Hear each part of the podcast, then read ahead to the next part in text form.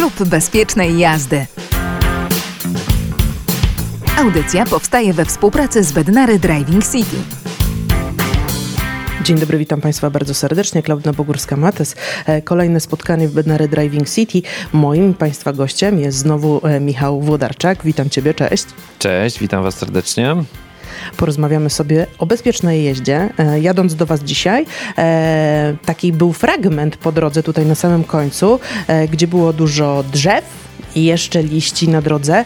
E, także spiesząc się i tak musiałam troszeczkę nóżkę z gazu zdjąć, e, no bo włączyła się jednak ta moja kontrolka w głowie, e, że należy dostosować prędkość do panujących warunków atmosferycznych.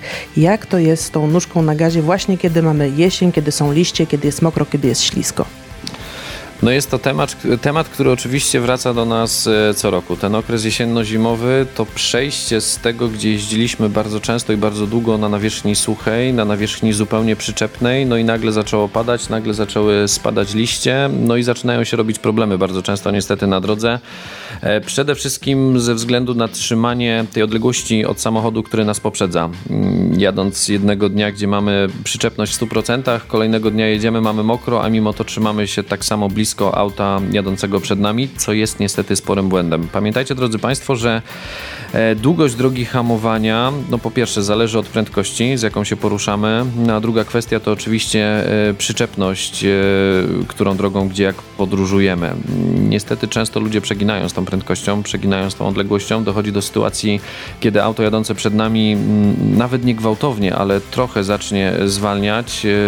Nie mówię już o sytuacji jakiejś tam takiej typowo nerwowej, gdzie będzie musiało wykonać e, hamowanie awaryjne. No i nam niestety, ale tego miejsca i czasu zaczyna e, brakować. Pamiętajcie, że te odległości muszą być większe. Musicie mieć czas i miejsce na to, żeby e, zareagować. Ten okres jesienny, no myślę, że trochę nas też tutaj gubi pod tym względem, że sporo liści zaczyna spadać z drzew. No to powoduje, powoduje oczywiście to, że ta droga hamowania na pewno znowu nam się będzie wydłużała jadąc tutaj, zastanawiałam się, kto ma większy problem z tą brawurą, z tą jazdą właśnie taką, um, tym nowoczesnym samochodem, który jest naszpikowany różnymi bajerami, że tak powiem, które, ma, które mają nam pomóc e, w tej jeździe i w naszym bezpieczeństwie. E, kto ma większy problem?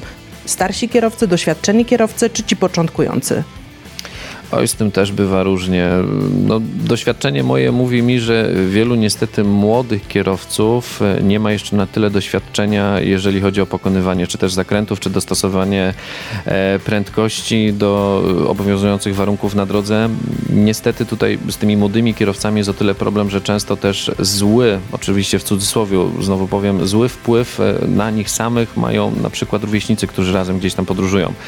Bardzo często no, wiąże się to z tym, że stary, no ty nie dasz rady, no spróbuj, gdzieś tam postara się go wyprzedzić czy coś takiego. No i to niestety na młodego kierowcę działa w ten sposób, że on zaczyna przeginać, zaczyna przyspieszać, co często brak jego jakby doświadczenia, umiejętności powoduje to, że nie jest w stanie opanować e, samochodu. E, z kierowcami bardziej już doświadczonymi, e, nawet takimi, którzy jeżdżą setki tysięcy kilometrów, czy to w ciągu miesiąca, czy, czy, czy w ciągu roku, to, co wspominałem w poprzedniej audycji, to słuchajcie, są niestety te złe nawyki. Bardzo często, jeżeli osoba jeździ długo, myśli, że jest świetnym kierowcą. No nic bardziej mylnego, bo za każdym razem, nawet podróżując tą samą e, drogą, tymi samymi odcinkami, słuchajcie, za każdym razem przejazd może być zupełnie inny.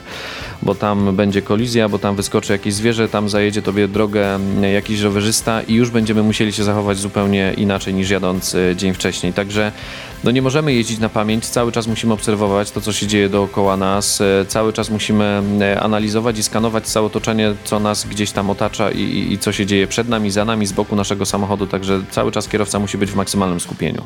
Moja córka tylko odlicza tak naprawdę lata, kiedy będzie mogła pożyczyć ode mnie samochód, a ja nie ukrywam, że się tego strasznie boję. E, czy do Bednary Driving City zgłaszają się właśnie takie mamy jak ja, e, które chcą, abyście e, przeszkolili dzieci, zanim e, będziemy regularnie pożyczać im samochód, czy kupimy im też własny? Oj tak, e, młodych kierowców mamy tutaj bardzo często, z tym, że dodam, że nasze szkolenia odbywają się tylko i wyłącznie dla osób już posiadających oczywiście e, prawo jazdy, ale wydaje mi się, że ja jako rodzic osobiście, w momencie jak tylko mój e, synek obecnie mający 6 lat zda prawo jazdy, na pewno wezmę go na tego rodzaju szkolenie i polecam to każdemu rodzicowi. E, no, sytuacja, słuchajcie, z toru, którą e, też jakiś czas temu doświadczyłem. Młody chłopak, świeżo właśnie po tym, jak zdał prawo jazdy w wieku 18 lat. E, jeździliśmy na szkoleniu tak zwanym VIP-owskim, czyli ja siedziałem w środku obok właśnie tego uczestnika. Wjeżdżamy pierwszy raz na płytę, zaczynamy mocno hamować. Początkowo fajnie wykonał to ćwiczenie, ale po chwili puścił hamulec i mówi, wie pan co, coś się chyba popsuło, bo podbija mi strasznie prawą nogę.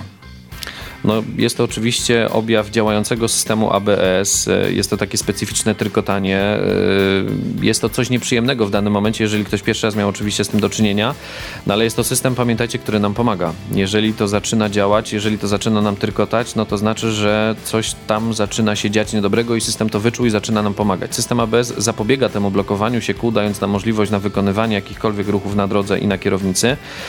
No ale nie możemy się tego przestraszyć. No jak się ten chłopak przyznał później, robił e, prawo jazdy w tym okresie letnim, gdzie ani razu nie padało, ani razu nie hamował też niestety w sposób nagły, awaryjny. No i tutaj brak tego doświadczenia spowodowało to, że niestety nie potrafił się zachować w sposób poprawny.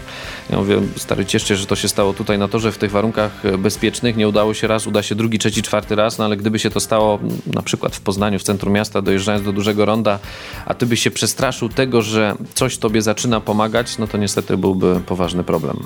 Jak długo trwa takie szkolenie młodego kierowcy, e, żebyście z czystym sumieniem mogli powiedzieć, ok, dobra, teraz już opanował te najważniejsze e, umiejętności, rozumie jak działa, nie wiem, silnik, hamulec, kierownica, pozycja, lusterka.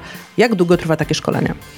No to trudno powiedzieć. Każdy z nas jest też e, zupełnie innym kierowcą, inną osobą. Każdy z nas tą wiedzę też przyswaja w innym tempie i, i zupełnie pod innym kątem patrzy na wiele aspektów, które my oczywiście tutaj poruszamy.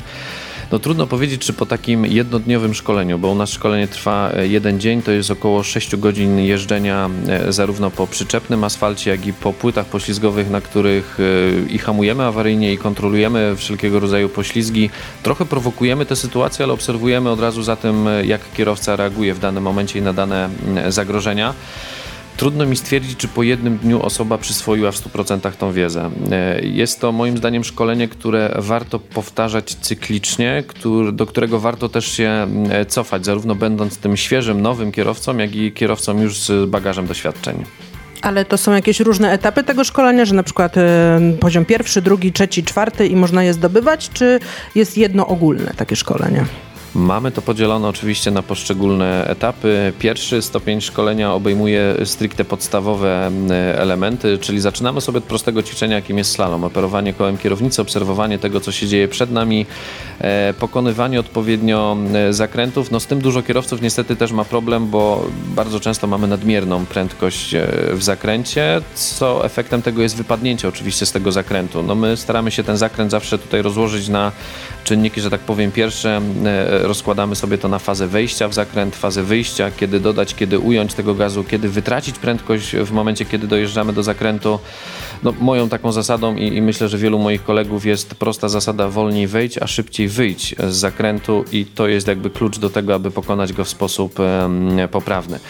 E, pierwszy stopień, następnie mamy e, hamowanie na płycie poślizgowej, gdzie z różnych prędkości obserwujemy sobie długość drogi hamowania i to myślę, że robi naprawdę mega wrażenie na, na ludziach, bo często ta prędkość 40-50 km na godzinę w nowoczesnym samochodzie to jest żaden wysiłek, żeby taką prędkość uzyskać, a mamy od 20 do 30 metrów, jeżeli chodzi o długość drogi hamowania.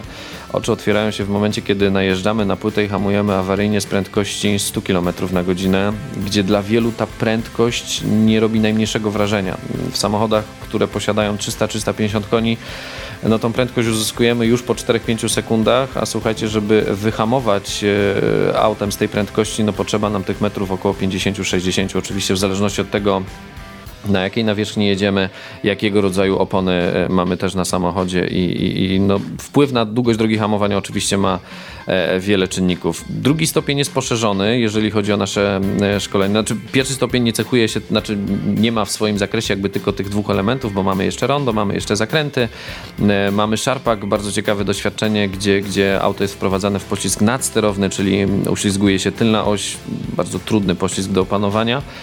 E, tu musimy się wykazać tym jakby odruchem bezwarunkowym, czyli bardzo szybką reakcją na kole kierownicy, próbą wytracenia prędkości, e, wyhamowania. To pierwszy stopień, drugi stopień powtarzamy w połowie jakby te wszystkie elementy, które były na pierwszym, plus dokładamy naszą górkę szkoleniową, bardzo stromy podjazd, co za tym idzie zjazd. E, no i wyskakujące przeszkody, które nagle się pojawiają. Zadanie dla uczestnika to mocne hamowanie i znowu próba ominięcia. Dodatkowym utrudnieniem jest to, że zjeżdżamy z górki. Tam kąt nachylenia to 10 stopni i rzeczywiście dla wielu samo wjechanie na wzniesienie i nie widzenie tego, co jest za nim, już jest stresujące. A my znowu każemy przyspieszyć, przyspieszyć, żeby te warunki jakby mm, trochę zbliżyć do tych realnych i przegiąć względem tego, jakbyśmy pojechali mm, normalnie. Bednary Driving City. Słyszycie Państwo, czego można się tutaj nauczyć? E, ja mam nadzieję, że będę mogła też e, trochę pójść i doświadczyć tego Waszego toru. Mm, liczę, że w kolejnych audycjach nam się to uda. E, dziękuję bardzo za kolejną miłą rozmowę. Moim i Państwa gościem był Michał Włodarczak. Dziękuję Ci bardzo. Dziękuję bardzo. No i do usłyszenia w kolejnej audycji. Klub Bezpiecznej Jazdy. Audycja powstaje we współpracy z Bednary Driving City.